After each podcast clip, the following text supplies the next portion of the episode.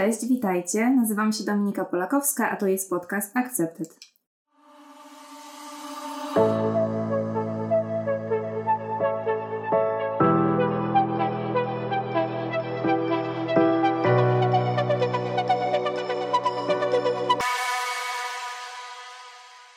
Dzisiaj moim gościem jest Aleksandra Narewska, absolwentka Gdańskiego Uniwersytetu Medycznego na kierunku dietetyka oraz Akademii Morskiej na kierunku towaroznawstwo ze specjalizacją dietetyka i usługi żywieniowe. Dzień dobry, witam wszystkich. Z moim gościem będziemy rozmawiać o roli dietetyka w zaburzeniach odżywiania. Dzień dobry. Dzień dobry. Z jakimi rodzajami zaburzeń odżywiania zgłaszają się do Pani pacjenci? E, aktualnie najczęściej są to zaburzenia takie jak bulimia i kompulsywne obiadanie się. E, aczkolwiek nadal bardzo dużo pacjentek zgłasza się do mnie z anoreksją oraz coraz więcej z ortoreksją, która jest e, stosunkowo nowym zaburzeniem, z którym, które jest nadal dość rzadko rozpoznawane na przykład przez lekarzy, przez psychiatrów. E, zdarzają e, się też osoby z takimi zaburzeniami jak na przykład pregoreksja, czyli anoreksja związana e, z ciążą, ale tak jak wspomniałam, myślę, że obecnie najczęściej są to bulimia i kompulsywne obiadanie się. Pregoreksja, niewiele osób wie, czym w ogóle jest to zaburzenie. Jaki procent Pani pacjentów cierpi na to zaburzenie? Myślę, że to są bardzo rzadkie przypadki, aczkolwiek wydaje mi się, że pacjentki z tego typu zaburzeniem też rzadko zgłaszają się do dietetyka. No jest to jednak bardzo niebezpieczne nie tylko dla matki, ale też i dla dziecka. Dokładnie, zgadza się. Czego pacjenci oczekują od takiej współpracy z dietetykiem? Wydaje mi się, że pacjenci przede wszystkim oczekują wsparcia w procesie odzyskiwania lub stabilizowania masy ciała, w zależności od tego, z jakim pacjentem współpracujemy. Czy jest to osoba z niedowagą, która na przykład chciałaby odzyskać masę ciała w sposób zdrowy, w odpowiednim tempie, która chciałaby przy okazji na przykład zbudować tkankę mięśniową. Mm, są też pacjentki, na przykład e, właśnie z kompulsywnym objadaniem się lub z bulimią, które chciałyby w bezpieczny sposób e, powrócić do prawidłowej masy ciała, ale z kolei zaczynając od nadwagi lub otyłości i te osoby właśnie oczekują, że wesprę je w tym, żeby cały ten proces przebiegał prawidłowo i żeby nie prowadził do pogłębienia symptomów zaburzeń odżywiania. Tak też jakiś czas temu rozmawiałam w jednym z odcinków na temat e, znaczenia słów e, przytyć i schudnąć. Tak jak pani powiedziała, przytyć w zdrowy sposób, czym innym jest niż przytyć w niezdrowy sposób. Wielu osobom przytycie kojarzy się negatywnie, tym bardziej osobom chorującym na zaburzenia odżywiania, właśnie przez to, że wydaje mi się, że przytyć to znaczy odżywiać się na przykład niezdrowo. Tak, w języku polskim to nasze słowo przytyć jest tak, e, takie mocno pejoratywne i negatywnie nacechowane. Tak jak e, często mówimy w gabinecie Sięgam Pomoc, w którym pracujemy wspólnie z terapeutami, e, Przytyciem powinniśmy określać raczej sytuację, kiedy na przykład z prawidłowej masy ciała tyjemy do nadwagi lub otyłości. Z kolei osoba, która jest w stanie skrajnego niedożywiania, no trudno tutaj mówić o tym, żeby ona przytyła. Bardziej odzyskuje wagę. Tak, dlatego właśnie my staramy się mówić, że odzyskuje wagę, wraca do prawidłowej masy ciała, właśnie dlatego, że słowa mają moc i ich odpowiedni dobór ma naprawdę duże znaczenie, zwłaszcza w e, pracy z osobami z anoreksją. Ja też właśnie pamiętam z własnego doświadczenia, że dla mnie słowo przytyć bardzo się tak źle kojarzyło i słowo zastąpienie tego słowem odzyskać wagę no było na pewno bardzo pomocne. Od czego rozpoczyna Pani pracę z osobami chorującymi na anoreksję, które na przykład jedzą bardzo małe lub wcale i przeraża ich to, że będą musiały jeść znacznie więcej? Wszystko też zależy od tego, czy jest to pacjent pełnoletni czy niepełnoletni. Z pacjentem pełnoletnim jest y, zazwyczaj o tyle prościej, że jest to pacjent, który przychodzi do mnie z własnej woli, gotowy, żeby walczyć ze swoją chorobą. W takim wypadku raczej rzadko kiedy ustalamy od razu jakąś wysoką kaloryczność, żeby jak najszybciej odzyskać tą masę ciała. Raczej pacjentki decydują się na stopniowe zwiększanie kaloryczności, na przykład o 200-300 kalorii co dwa tygodnie. I w tym czasie monitorujemy przyrost masy ciała, czy on w ogóle się pojawia, czy jest zbyt powolny, czy może jest zbyt szybki, co akurat zdarza się rzadko. Zawsze próbujemy ustalić jakiś kompromis pomiędzy tym, na co pacjent jest gotowy, a co ja uważam za akceptowalne w procesie zdrowienia. Bo oczywiście, gdybym powiedziała pacjentce, że ok, uważam, że powinnyśmy ułożyć jadłospis na 2000 e, kalorii, wiedząc, że pacjentka absolutnie nie jest w stanie psychicznie przyjąć takiej informacji, a e, co więcej, odżywiać się zgodnie z takim jadłospisem, to e, jest to stracony czas mój, stracony czas pacjenta. Także zawsze próbujemy drogą, powiedzmy, licytacji dotrzeć do takiej kaloryczności, która będzie e, poniekąd wyjściem ze strefy komfortu takiego pacjenta. Jeśli na przykład przez długi czas jadł 1000 kalorii dziennie, to możemy się na przykład umówić na 1300 kalorii dziennie, co już powinno być jakimś kroczkiem e, w stronę zdrowia, a właśnie na tym nam zależy, żeby po prostu ciągle iść do przodu, a nie się cofać. Właśnie to, co Pani powiedziała, te stopniowe zwiększenie kaloryczności. Też słyszałam o takich przypadkach ze szpitali, gdzie na przykład dziewczyny dostają na śniadanie 6 kanapek i muszą te 6 kanapek zjeść, gdzie wcześniej no, dla nich było to niewyobrażalne zjeść na przykład dwie kanapki. I no, wydaje mi się, że to też może zniechęcić do procesu zdrowienia. E, jeśli chodzi o leczenie szpitalne zaburzeń odżywiania w Polsce, to trzeba przyznać, że sytuacja jest dramatyczna, tak jak zresztą w większości służby zdrowia, ale tutaj jeśli chodzi o zaburzenia odżywiania, e, tym bardziej.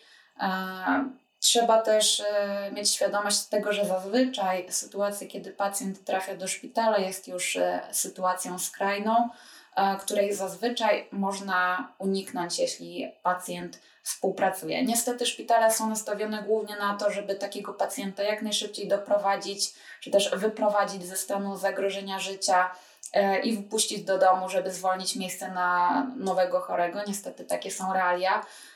Opieka psychologiczna i psychiatryczna są, aczkolwiek niestety w dość ograniczonym stopniu. Leczenie szpitalne faktycznie może dawać rezultaty, jeśli chodzi o taką poprawę e, dość szybką e, zdrowia fizycznego, jeśli mamy na przykład mocno zaburzone parametry e, wskazujące na złą pracę narządów, na przykład wątroby. Czasami taki na przykład miesięczny czy dwumiesięczny pobyt w szpitalu może uratować pacjentowi życie, czy też no, w wielu przypadkach ratuje to życie, kiedy pacjent sam nie jest gotowy jeszcze o nie zawalczyć. Um, aczkolwiek zgadzam się, że może to zniechęcać do procesu leczenia. E, wywołuje to duży niepokój, duży strach u pacjentek. E, dlatego też niestety często pacjentki, które mm, przebyły hospitalizację, mają niestety powrót do gorszego stanu zdrowia i ponownie trafiają do leczenia. Bo czym innym jest przytyć, a czym innym jest wyleczyć głowę, bo można mieć przecież prawidłową masę ciała i nadal mieć te myśli chorobowe. Dokładnie. Bardzo mało osób, myślę, w społeczeństwie cały czas zdaje sobie z tego sprawę, ponieważ u nas cały czas pokutuje takie przekonanie, że zaburzenia odżywiania widać. Czyli, że jeśli osoba ma anoreksję, to ona będzie bardzo wychudzona. Tymczasem bardzo często zdarzają się pacjentki, które na przykład są w dolnej granicy normy, jeśli chodzi tutaj o prawidłową masę ciała, ale z kolei bardzo cierpią, jeśli chodzi o stan psychiczny. Mm, dlatego właśnie w szpitalu nastawiamy się głównie na to, żeby wyleczyć ciało, a doprowadzenie pacjenta do takiego stanu pełnego zdrowia psychicznego e, może trwać, no zazwyczaj trwa niestety e, dużo więcej i tutaj jest do osiągnięcia głównie z intensywną pomocą terapeuty. Też jest taka pewna luka, która się pojawia, że bardzo często terapeuci nie chcą przyjmować osób ze skrajnie niską masą ciała Dlatego muszą trafić na przykład na leczenie szpitalne. Tak, zgadza się. Tutaj jestem w stanie zrozumieć terapeutów, ponieważ e, często są to osoby, które nie są w stanie z powodu swojej choroby stosować się do zaleceń, nie są w stanie wyjść e, ze swojej strefy chorobowej, strefy komfortu. I takie osoby potrafią miesiącami uczęszczać na terapię, czy też do dietetyka i nie wykazywać żadnego progresu. Także ja doskonale rozumiem, że terapeuta w pewnym momencie może stwierdzić, że boi się kontynuować taką współpracę, ponieważ no, nikt nie chciał żyć ze świadomością, że na przykład a, moja pacjentka wyszła ode mnie z terapii i w drodze powrotnej przydarzyła jej się jakaś nieprzyjemna sytuacja, pacjentka zmarła. No jest to na pewno duże obciążenie psychiczne, Tak jak zresztą cała praca z osobami z zaburzeniami odżywiania, która moim zdaniem jest bardzo wymagająca i w przypadku terapeuty, i dietetyka, i lekarza psychiatry, którzy współpracują z tymi pacjentami. A rozmawiałyśmy właśnie o tym zwiększaniu, stopniowym zwiększaniu kaloryczności. W jaki sposób można zwiększyć kaloryczność diety w anoreksji, nie zwiększając znacznie objętości posiłku? Mm, tutaj, jeśli chodzi o zwiększenie kaloryczności przy jednoczesnym zachowaniu małej objętości, co faktycznie jest dość ważne dla wielu pacjentek, e, zwłaszcza z anoreksją, w którym ta duża objętość może kojarzyć się z dużą kalorycznością, to jedno, e, ale też może być po prostu ciężka do, do zmieszczenia w żołądku i do przetrawienia. E, zazwyczaj opieramy się na produktach bogatych w tłuszcze, z tym, że tutaj z kolei często napotykamy taki problem. E, pacjentka boi się objętości, ale boi się też produktów bogatych w tłuszcze. Więc ja oczywiście ja mogłabym... tak miałam, na przykład bałam się orzechów, czy Dokładnie, takich tak, masła. masła orzechowego. E, I wtedy mamy troszeczkę konflikt, bo można by wyrobić odpowiednią kaloryczność dając na przykład większą ilość węglowodanów, takich jak kasza, ryż, ziemniaki, ale z kolei to zwiększy trzeba objętość, też dużo. Tak, to zwiększy objętość posiłków. Dlatego najczęściej e, robimy tak z pacjentkami, że decydujemy się na początek na kilka produktów, na przykład jeden, dwa produkty na dwa tygodnie, mm, produkty wysokotłuszczowe o dużej gęstości kalorycznej, które pacjentka zgadza się wprowadzić do swojego jadłospisu. E, dzięki nim jesteśmy w stanie podnieść kaloryczność jednocześnie, nie zwiększając mocno objętości. Tak najczęściej właśnie zaczynamy e, od czegoś, co pacjentka też lubiła. Czyli jeśli na przykład przed swoją chorobą uwielbiała jeść sery, nie ma problemu, tak? E, wybieramy jakiś konkretny ser, który ona może sobie dodawać do różnych posiłków. Jeśli lubiła masło orzechowe, wprowadzamy masło orzechowe, czy też właśnie orzechy, pestki dyni, słonecznika, tego typu produkty.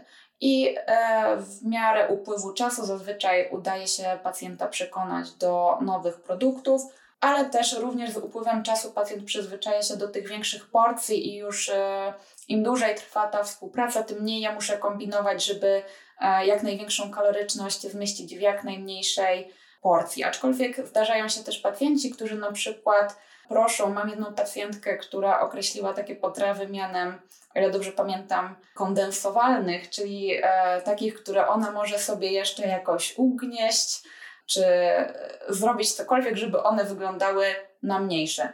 E, I są pacjenci, którzy dość długo po prostu e, z takimi potrawami czują się bezpieczniej.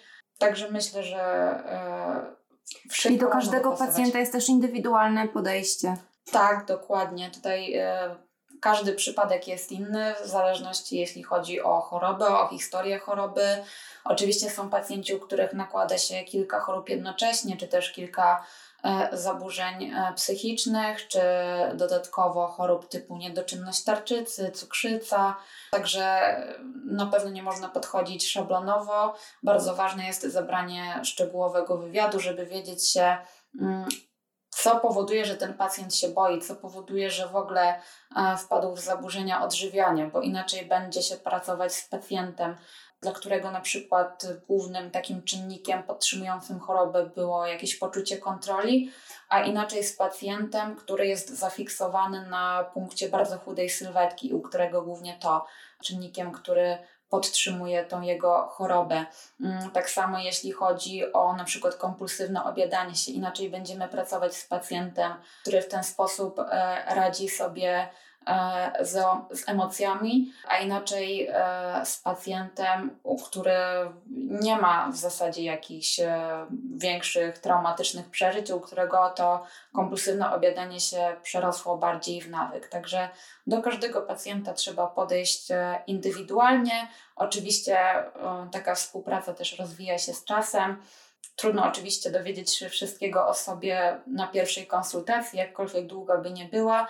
E, także zazwyczaj już e, po czasie e, udaje się coraz lepiej rozumieć pacjenta, nie tylko jego sposób myślenia, ale też wszystkie drobne przyzwyczajenia. I myślę, że mam gdzieś w mózgu specjalną specjalne miejsce, w którym magazynuję już takie wszystkie informacje, że ta pacjentka lubi serek wiejski na słodko, ta nie lubi to woli, jeśli jest więcej, ale o większej gęstości kalorycznej, druga woli inaczej. Także jest dużo takich informacji, które paradoksalnie są bardzo ważne z punktu widzenia współpracy, bo myślę, że każdemu pacjentowi jest miło, jeśli czuję, że, że pamiętam, że myślę, że nie jest tylko zestawem informacji gdzieś na kartce w notatniku, tylko jest osobą, o której ja myślę i którą staram się zrozumieć. Powiedziała Pani pacjentek, a czy zdarzają się też mężczyźni z zaburzeniami odżywiania? Zdarzają się, aczkolwiek nadal są to rzadsze przypadki. Myślę, że też rzadko zgłaszają się po pomoc. Tak, to na pewno myślę, że cały czas niestety w naszym społeczeństwie e, pokutuje takie przekonanie, że choroby psychiczne to jest coś niemęskiego, a już co dopiero zaburzenia odżywiania, tak? Co dla wielu pewnie mężczyzn i chłopców jest ogromnym źródłem stresu, bo nie dość, że boją się pójść do specjalisty, to jeszcze prawdopodobnie nie mają z kim się podzielić. O ile potrafię sobie doskonale wyobrazić sytuację, w której e, nastolatka dzieli się ze swoimi koleżankami informacją, że okej, okay, choruję, mam bulimię, czy też mam anoreksję, o tyle bardzo trudno jest mi sobie wyobrazić chłopca, który prowadzi tego typu rozmowę e, ze swoimi kolegami. Dlatego też uważam, że mm, na pewno przydałoby się więcej akcji uświadamiających już dzieci w podstawówce, że jest to coś normalnego, tak jak depresja, że jest to po prostu choroba, z którą można walczyć, którą można leczyć i która nie jest e, żadnym powodem do wstydu. Ja osobiście miałam zaledwie kilku pacjentów mężczyzn z zaburzeniami odżywiania, aczkolwiek zdarza mi się, że mm, znajomi pytają na zasadzie, bo wiesz, ja mam kolegę, który ma kolegę, co mogłabyś polecić? To osoby często gdzieś próbują sięgnąć po tą pomoc, ale boją się jednak przyjść do specjalisty.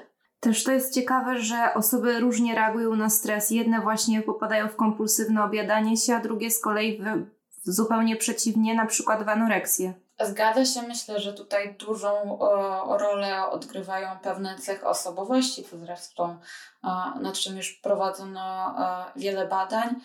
Do tego sytuacja rodzinna Myślę, że też może się to zmieniać na przestrzeni czasu. Sama na przykład widzę po sobie, że kiedyś w, latach takich wczesno-nastoletnich, mm, kiedy moja anoreksja tak naprawdę e, dopiero gdzieś tam rozwijała się w mojej głowie, e, w chwili stresu ja zajadałam słodyczami, jakimiś słonymi przekąskami. E, aktualnie, jeśli jestem pod wpływem silnego stresu, żołądek zaciska mi się w supę i nie jestem w stanie niczego jeść. Także być może zmienia się to też z czasem, z nastawieniem do jedzenia. E, trudno powiedzieć, ale bardzo ważne jest, e, żeby właśnie e, wiedzieć, jak stres wpływa na pacjenta, bo oczywiście może być to decydującym czynnikiem, jeśli chodzi o proces leczenia. Jeśli na przykład mamy pacjenta, mm, który w chwili stresu ma napady kompulsywnego obiadania się, a ma pracę taką, że stresuje się co dwie godziny, bardzo ciężko jest e, zrobić coś bez zmiany tej sytuacji, która jest e, źródłem problemów. E, mówiąc o tych napadach jedzenia, możemy powiedzieć o tak zwanym błędnym kole bulimicznym. Przynajmniej ja bardzo dobrze znam to doświadczenie. Czy zna Pani jakieś sposoby, jak z tego wyjść? Tutaj, jeśli chodzi o błędne koło bulimiczne, to domyślam się, że chodzi o ten proces, w którym głodzimy e, się, głodzimy się jemy, wymiotujemy, wymiotujemy czy... mamy wyrzuty sumienia, chcemy się głodzić znowu. znowu.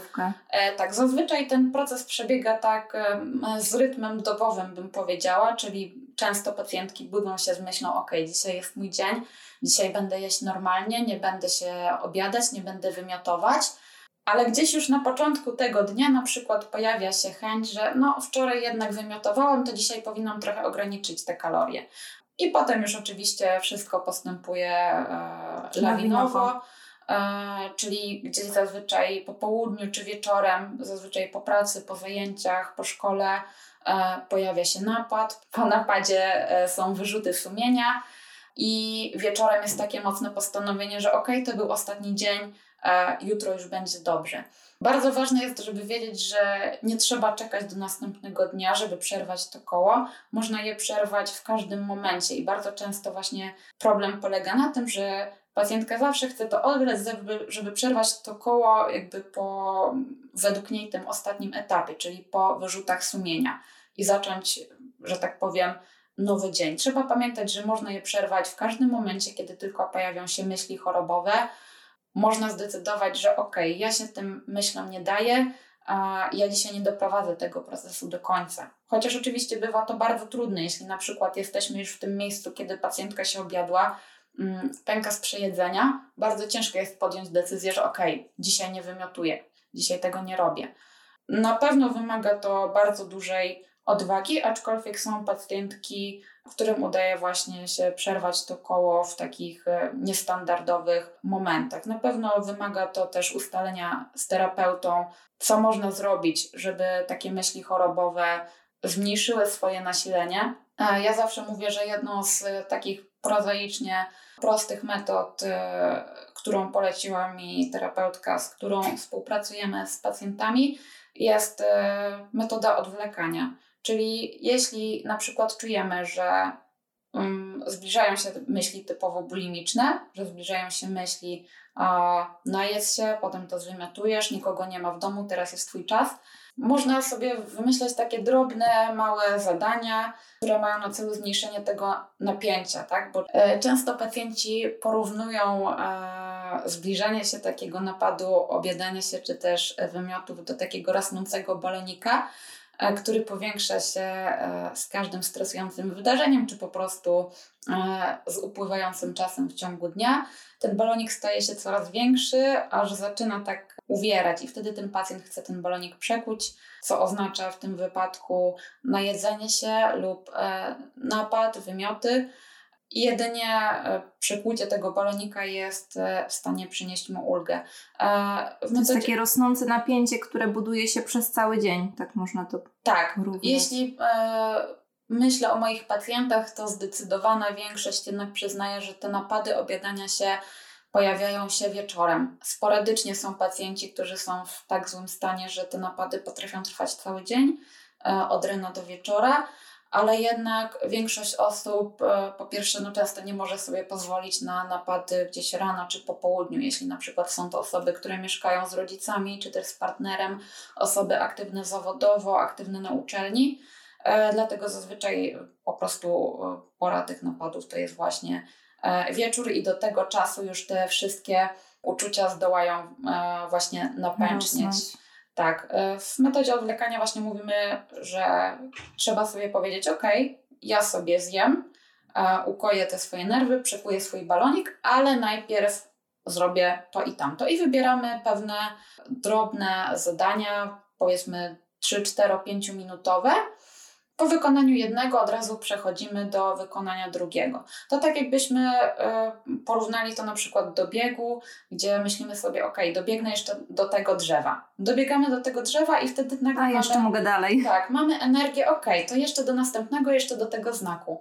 Y, I tak samo w tej metodzie odwlekania, na przykład roz, rozładuję zmywarkę, rozładowuję sobie tą zmywarkę, Potem myślę sobie, ok, odpiszę tutaj na te trzy wiadomości, na które miałam odpisać. Wybieramy sobie jakieś drobne, takie niewymagające e, mocnego myślenia zajęcia i często okazuje się, że po wykonaniu pięciu, sześciu, siedmiu takich zajęć ta chęć przykucia tego balonika już nie jest taka silna. On sam zaczyna się zmniejszać, to napięcie zostaje rozładowane, czy też na przykład właśnie poprzez wykonywanie jakichś prostych czynności, czy poprzez właśnie rozmowę z kimś bliskim, poprzez odciągnięcie tych myśli także jest to e, metoda bardzo prosta i może się wydawać bardzo prosta, żeby mogła działać, ale jednak e, często się sprawdza. No bo niestety e, nie mamy magicznego sposobu, który odciągnąłby te myśli chorobowe i tu trzeba podkreślić, że każde przerwanie takiego koła bolimicznego to jest ogromny wysiłek i ogromna walka pacjenta, ale na szczęście ta walka z każdym dniem jest coraz łatwiejsza zawsze naj, najtrudniejszy jest ten Są pierwszy raz. Tak. tak, uświadomienie sobie, że ja w ogóle mogę to zrobić, że ten, nie musi, ten dzień nie musi wyglądać tak jak dzień poprzedni. Często pacjenci nawet zapominają, jak może wyglądać dzień bez e, tego koła bolimicznego. Tak? To już wrasta e, w ich nawyki, tak jak mycie zębów. To jest tak silne przyzwyczajenie, że jest normalnością jakby dla takiej osoby. Tak, często jest to uwzględnione nawet w planach. Osoby mają swoje stałe godziny zakupów, żeby kupić jedzenie na napad, stałe godziny napadu i jest to dla nich e, takim e, zupełnie naturalnym zajęciem, e, jak dla kogoś może być na przykład czytanie książki, czy też wyjście na spacer. Dlatego bardzo ważne jest żeby pacjenci też wiedzieli, że mogą żyć inaczej, że jest masa innych rzeczy, na które oni mogą spożytkować swoją energię, a oczywiście dużo lepiej. I właśnie po pierwszym, drugim, trzecim dniu bez wymiotów, kiedy na początku pacjent odczuwa taką pustkę, że czegoś nam brakuje, tak? Tak jakbyśmy obudzili się bez swojego ukochanego zwierzaka u boku. Coś tak, ja miałam tak. takie uczucie, jakby ktoś mi coś zabrał. Dokładnie. Jest to nowa sytuacja i każda nowa sytuacja, nawet jeśli wiemy, że jest to zmiana na dobre, może być stresująca. Często pojawia się takie uczucie, że nagle mamy za dużo tego czasu, co ja mam z nim robić. E, pacjenci próbują szukać jakichś zamienników, tak? czegoś innego, co e, przyniosłoby podobną e, przyjemność. No bo tak. wcześniej głowa cały czas była zajęta tymi myślami chorobowymi i teraz trzeba tą przestrzeń jakoś wypełnić. Dokładnie. Dlatego bardzo ważne jest, e, żeby z chwilą podjęcia decyzji też o ozdrowieniu zastanowić się, e, co zrobimy z tym czasem, który poświęcaliśmy dotychczas na zaburzenia odżywiania. Bo jeśli popatrzymy e, na to, ile czasu pacjenci poświęcają swojej chorobie, czy też ile, ile czasu ona konsumuje, Wychodzi tego naprawdę dużo. Czasami, jeśli rozmawiam z pacjentkami e, w zaawansowanym stanie i pytam na wykresie kołowym, a jaki procent zajmowałyby myśli o chorobie, myśli o diecie, myśli o swojej masie ciała, są pacjentki, które mówią, że jest to 90%. E, jest to no, coś, co trudno sobie wyobrazić przeciętnej e, osobie, która nigdy nie miała z tym problemu, ale to też pokazuje, ile tak naprawdę te osoby mają sobie możliwości, które mogłyby wykorzystać na coś innego, tak? A, dlatego zawsze dobrze jest pomyśleć, czy jest coś, co zawsze chciałam robić, ale na co choroba mi nie pozwalała, co dodatkowo jest oczywiście czynnikiem motywującym. Jeśli na przykład mm, jest pacjentka, która stwierdzi, że kiedyś jeździła konno i zawsze chciała się w tym rozwijać, ale na przykład bulimia konsumuje wszystkie jej pieniądze i czas, no właśnie o tych pieniądzach też chciałam powiedzieć. Kiedyś widziałam na pewnej grupie informacje, ile wydają e, osoby z bulimią na napady, że to jest, są naprawdę, średnio to było 50 zł dziennie. Dokładnie. Jeśli policzymy tutaj razy 7 dni w tygodniu, bo jednak e, duża część pacjentów ma te napady codziennie i potem cały miesiąc to robią się e, naprawdę ogromne ilości. Dlatego e, mówimy tutaj właśnie nie tylko o takich zasobach czasowych, ale też właśnie o zasobach finansowych. Mm, często pacjentom właśnie z bulimią czy z kompulsywnym objadaniem się polecam e, założenie takiej e, skarbonki, do której będą odkładać te pieniądze, które w innym wypadku e, poszłyby na napad i skończyłyby na przykład w toalecie. Bardzo przyjemnie jest potem widzieć e, pacjentkę, która mówi, że ok, uzbierała już tyle, że nie wiem, kupiła sobie jakąś paletkę cieni, którą zawsze chciała sobie kupić. Ktoś inny pojechał na wakacje, e, bo o takich kwotach tu mówimy. E, ktoś mógłby się przyczepić, że to troszeczkę jak z paleniem, że osoby, które nie palą, jakoś wcale nie są bogatsze od palaczy, mimo że teoretycznie oszczędzają pieniądze ale chodzi tutaj też o, o symbolikę, o to, żeby zobaczyć, żeby poczuć, że na przykład, ok, to jest tyle pieniędzy, ile kiedyś bym przejadła w ciągu dwóch tygodni, a ja sobie teraz za te pieniądze kupiłam bilet dokądś tam, albo kupiłam rzecz, którą zawsze chciałam mieć. To też uzmysławia takiej osobie skalę problemu. Tak, zdecydowanie. E, często e, po prostu osoby są tak przyzwyczajone tak jak już właśnie mówimy o tych nawykach, to jest coś nawet zaplanowanego w budżecie, że na przykład codziennie wydaje tyle na napad, że, że już nie widzą, że jest to sytuacja dość, dość odbiegająca od normy. I trzeba czasami e, takiego pacjenta no, obrać zimną wodą i uświadomić mu, że to tak nie wygląda, jeśli, jeśli chcemy być zdrowi. Także ta kwestia finansowa jest też bardzo motywująca dla dorosłych pacjentów, co przekłada się też na to, że częściej, łatwiej pracuje się z pacjentami z bulimią, z kompulsywnym objadaniem się, gdzie to zaburzenie dodatkowo wpływa na sytuację finansową. Tak jak rozmawiałyśmy o tym, w jaki sposób, o tej metodzie odwlekania, o której Pani powiedziała, ja miałam taki swój sposób, że wychodziłam z domu na przykład na spacer. Kiedy myślałam o tym, że chciałabym się najeść i wymiotować, to wtedy stwierdziłam, muszę wyjść z domu i albo poszłam na rower, albo poszłam po prostu się przejść. I kiedy wracałam już do domu, to te myśli jakby uleciały. Kładałam to tak y, w czasie po prostu. Tak, dokładnie. Też wyjście na spacer y, często polecamy pacjentom, żeby y, te myśli troszeczkę zagłuszyć, gdzieś odsunąć. Czasie często napad jest podejmowany bardzo impulsywnie.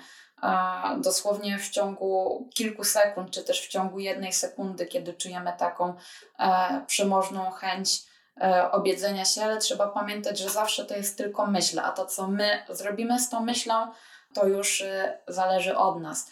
Także zawsze warto spróbować. Jeśli się nie uda, jeśli wracając z takiego spaceru stwierdzimy, że ok, jednak nadal mam ochotę się najeść i to zwymiotować, mm, może tak być, mogą być pacjenci, u których ten sposób nie będzie działał, u których trzeba szukać e, innego, sposobu rozładowania tych emocji, ale przynajmniej zawsze spróbujemy. Też jak Pani powiedziała o tym, że nie musimy czekać następnego dnia, by przerwać to koło bulimiczne, to ja myślałam też właśnie o tym, że mogę zacząć w każdej chwili, że każda następna godzina jest jakby nową szansą, że w następnej godzinie już nie muszę się obiadać, nie muszę wymiotować. I to mi też pomagało, było taką mobilizacją, że jakby już następ... mimo tego, że wymiotowałam, to następne kroki już idą ku dobremu. E, dokładnie. Tutaj są pacjenci, którzy na przykład, jeśli mają kilka napadów w ciągu dnia, nawet nie jeden duży wieczorny. No właśnie o tym też pomyślałam, o osobach, które mają na przykład mhm. kilka napadów. E, jeśli na przykład e, są osoby, które mają powiedzmy 8 napadów dziennie, bo takie też się zdarzają, to im tym łatwiej będzie właśnie e, spojrzeć na to z takiej perspektywy, że właśnie każda godzina może być osobnym sukcesem. I często trzeba pokazać pacjentowi, że nie można też myśleć tak zero-jedynkowo, że dzień całkowicie bez napadu super, dzień chociażby z jednym napadem źle i już w ogóle wszystko zepsuła. Dzień stracony. Tak. Trzeba uświadomić takiego pacjenta, że jeśli zaczynaliśmy w sytuacji, kiedy miał 8 napadów, a następnego dnia udało się ograniczyć to do 6 napadów, to już jest sukces, to już jest krok w dobrym kierunku. Także właśnie tutaj takie patrzenie z perspektywy, że każda godzina e, jest nową szansą, jest bardzo pomocne. A czy zdarzają się Pani takie trudne sytuacje, jak na przykład płacz pacjenta w trakcie ważenia? E, jeśli chodzi o płacz pacjenta, zdarza się dość często, aczkolwiek na szczęście nigdy nie zdarzyło mi się to przy sprawdzaniu masy ciała. Być może dlatego, że zawsze mm, po pierwsze pytam pacjenta, na ile pewnie czuje się ze świadomością mm, tego, że zaraz zobaczy na ekranie swoją masę ciała. Staram się też e, znać pacjentów i przewidywać to, jak oni mogą zareagować. Jeśli wiem, że jest pacjentka, która cały czas jest w dość niestabilnej sytuacji, która bardzo boi się przybierać e, na wadze, wtedy zazwyczaj umawiamy się, że ważenie jest zawsze z zakrytym wynikiem. Wynik na przykład zna tylko terapeuta, rodzice lub po prostu ja podam jej e, na późniejszym etapie leczenia. I zazwyczaj udaje mi się właśnie uniknąć jakichś nieprzyjemnych sytuacji stricte w trakcie ważenia. Czasami oczywiście widzę pewne emocje na twarzy pacjenta, których nie da się ukryć, jakieś rozczarowanie, niedowierzanie, czasem złość, co zawsze oczywiście staram się poruszyć potem w rozmowie, ale jeśli chodzi tutaj o sprawdzenie masy ciała, na szczęście obywa się bez większych e, dram. Z kolei pacjenci często e, płaczą, opowiadając, wzruszając się, mówiąc o jakichś swoich ciężkich przeżyciach. Chociaż tutaj z kolei myślę, że nawet nie jest to. Oczywiście jest to trudna sytuacja, bo jestem z człowiekiem w chwili, kiedy on pokazuje swoją wrażliwość, kiedy jest y, totalnie bezbronny u mnie w gabinecie, zrozpaczony i opowiada o jakichś trudnych przeżyciach, a ja de facto nie mogę nic zrobić, żeby, żeby go pocieszyć. Czasami wiem, że najlepszą pomocą będzie po prostu wysłuchanie, wysłuchanie takiego właśnie. pacjenta, e, co oczywiście też bywa trudne, bo tak jak mówiłam, każda praca z osobami z zaburzeniami odżywiania jest e, dość mocno angażująca psychicznie. Zdarza mi się, że wychodzę z gabinetu i przez kilka godzin czy przez kilka dni myślę o konkretnym pacjencie ale nadal myślę, że właśnie łzy i emocje w gabinecie są dużo lepsze niż obojętność czy mm, brak współpracy ze specjalistą. Też często taki gabinet jest jedynym miejscem, gdzie taka osoba może uwolnić to, co tak naprawdę czuje, bo często skrywa po prostu to wszystko gdzieś pod jakąś maską. E, dokładnie. U mnie akurat e, zawsze staram się e, dzielić swoimi doświadczeniami, bo jednak spora część moich pacjentów trafia do mnie właśnie dlatego, że wiedzą, że ja też byłam w tym miejscu, w którym kiedyś, w którym aktualnie są oni i wiedzą, że ja ich zrozumiem, że nie będą musieli tłumaczyć pewnych rzeczy, które e, dla osoby zdrowej będą totalnie niezrozumiałe i absurdalne. Wiedzą, że mi to powiedzą, ja powiem: OK, wiem, jak myślałeś, wiem, wiem, jaki proces cię do tego doprowadził. Także myślę, że e, tutaj to zrozumienie ze strony specjalisty jest e, bardzo ważne. Często, jeśli właśnie zgłaszają się rodziny, na przykład z dziećmi, które chorują na zaburzenia odżywiania, możemy tak poprowadzić tą rozmowę, że dziecko naprawdę pierwszy raz gdzieś otwiera się przed rodzicami, że e, oni sami dowiadują się nowych rzeczy.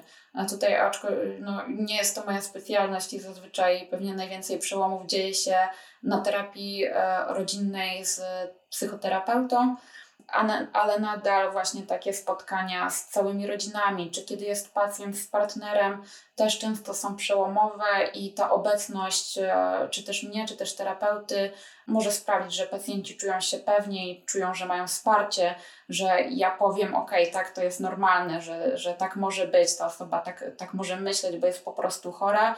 E, I faktycznie łatwiej jest wtedy e, opowiadać o swojej chorobie. Czy jest coś jeszcze takiego trudnego w Pani pracy poza tym obciążeniem psychicznym?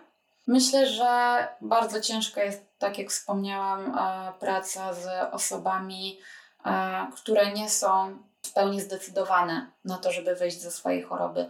Mówię tutaj głównie o dzieciach, o nastolatkach, ponieważ, tak jak już mówiłam, osoby dorosłe zazwyczaj podejmują świadomą decyzję. Wiadomo, że ta decyzja wiąże się też z kosztami, więc e, Mm, raczej nikt nie idzie do terapeuty czy też do dietetyka, żeby potem odmawiać tej współpracy. E, z kolei sprawa wygląda inaczej, jeśli mamy dzieci, nastolatki, które zostają przeprowadzone przez swoich rodziców. Trochę na siłę. Trochę na siłę, tak. E, są przypadki, kiedy po prostu napotykam tak ogromny mur, że połowa spotkania to jest albo mój monolog, albo milczenie pacjenta, który na przykład twierdzi, że wszystko jest ok, ja nie jestem chora i pojawia się milion sprzecznych informacji i kłamstwa, które jestem w stanie bardzo łatwo rozpoznać. I praca z takimi osobami jest e, naprawdę bardzo trudna. Zdarza się, że. Mm, rodzice sami widzą, że, że nie ma to jeszcze sensu i na przykład na początku decydują się głównie na terapię z terapeutą, żeby to dziecko w ogóle y, otworzyło się i stwierdziło, że ono chce tej, tak, że ono chce tej pomocy. Aczkolwiek wiem, że u terapeutów też zdarzają się takie przypadki, gdzie prawie cała sesja to jest milczenie. Aczkolwiek zdarzają się też y, dzieci, które po jednym czy po dwóch spotkaniach, kiedy widzą, że, że mogą poczuć się bezpiecznie, że ja wiem mniej więcej, co tam u nich w głowie siedzi. Otwierają się? Otwierają się i widać, że zaczynają rozumieć, że, że są chore, że tej pomocy potrzebują i że mogą ją tutaj otrzymać. I to jest naprawdę bardzo piękny moment w pracy dietetyka, kiedy widać, że pacjent zmienia swoje nastawienie i z chęci tkwienia w tej chorobie stwierdza, że jest zdecydowany, żeby w niej wyjść. I wtedy faktycznie widać ogromne postępy w leczeniu. Czy takie momenty zdarzają się Pani często, kiedy widzi Pani właśnie takie pozytywne efekty z leczenia pacjentów? Tak, zdecydowanie większość moich pacjentów, e, znaczy uważam, że wszyscy moi pacjenci, którzy e, mają siłę, żeby walczyć z zaburzeniami odżywiania, są bardzo silnymi ludźmi, którzy E, mierzą się z ogromnymi trudnościami. Tak, z ogromnym problemem i, i mają siłę z nim walczyć. Ale jeśli chodzi o takie y, sytuacje, w których faktycznie naocznie nawet widać ten, ten sukces, tą zmianę, to myślę, że jest to tutaj zdecydowana większość moich pacjentów. Oczywiście nie mówimy tutaj o takich okresach typu miesiąc, dwa, trzy miesiące, tylko raczej są to pacjenci, z którymi współpracuję rok, półtora, czy też dwa lata i wtedy często widać, że zmieniło się na przykład nie tylko podejście do jedzenia tej osoby, ale na przykład całe jej życie. Także w międzyczasie ta osoba gdzieś zaczęła robić doktorat, zmieniła pracę, gdzieś wyjechała na jakąś wymianę i zaczęła robić milion innych rzeczy, e, które przed rozpoczęciem leczenia wydawały się e, nieosiągalne. nieosiągalne, dokładnie. W takim razie życzę Pani, aby jak najwięcej takich pacjentów się pojawiało z takimi pozytywnymi wynikami leczenia. Dziękuję, Dziękuję. za dzisiejszą rozmowę. Dziękuję również.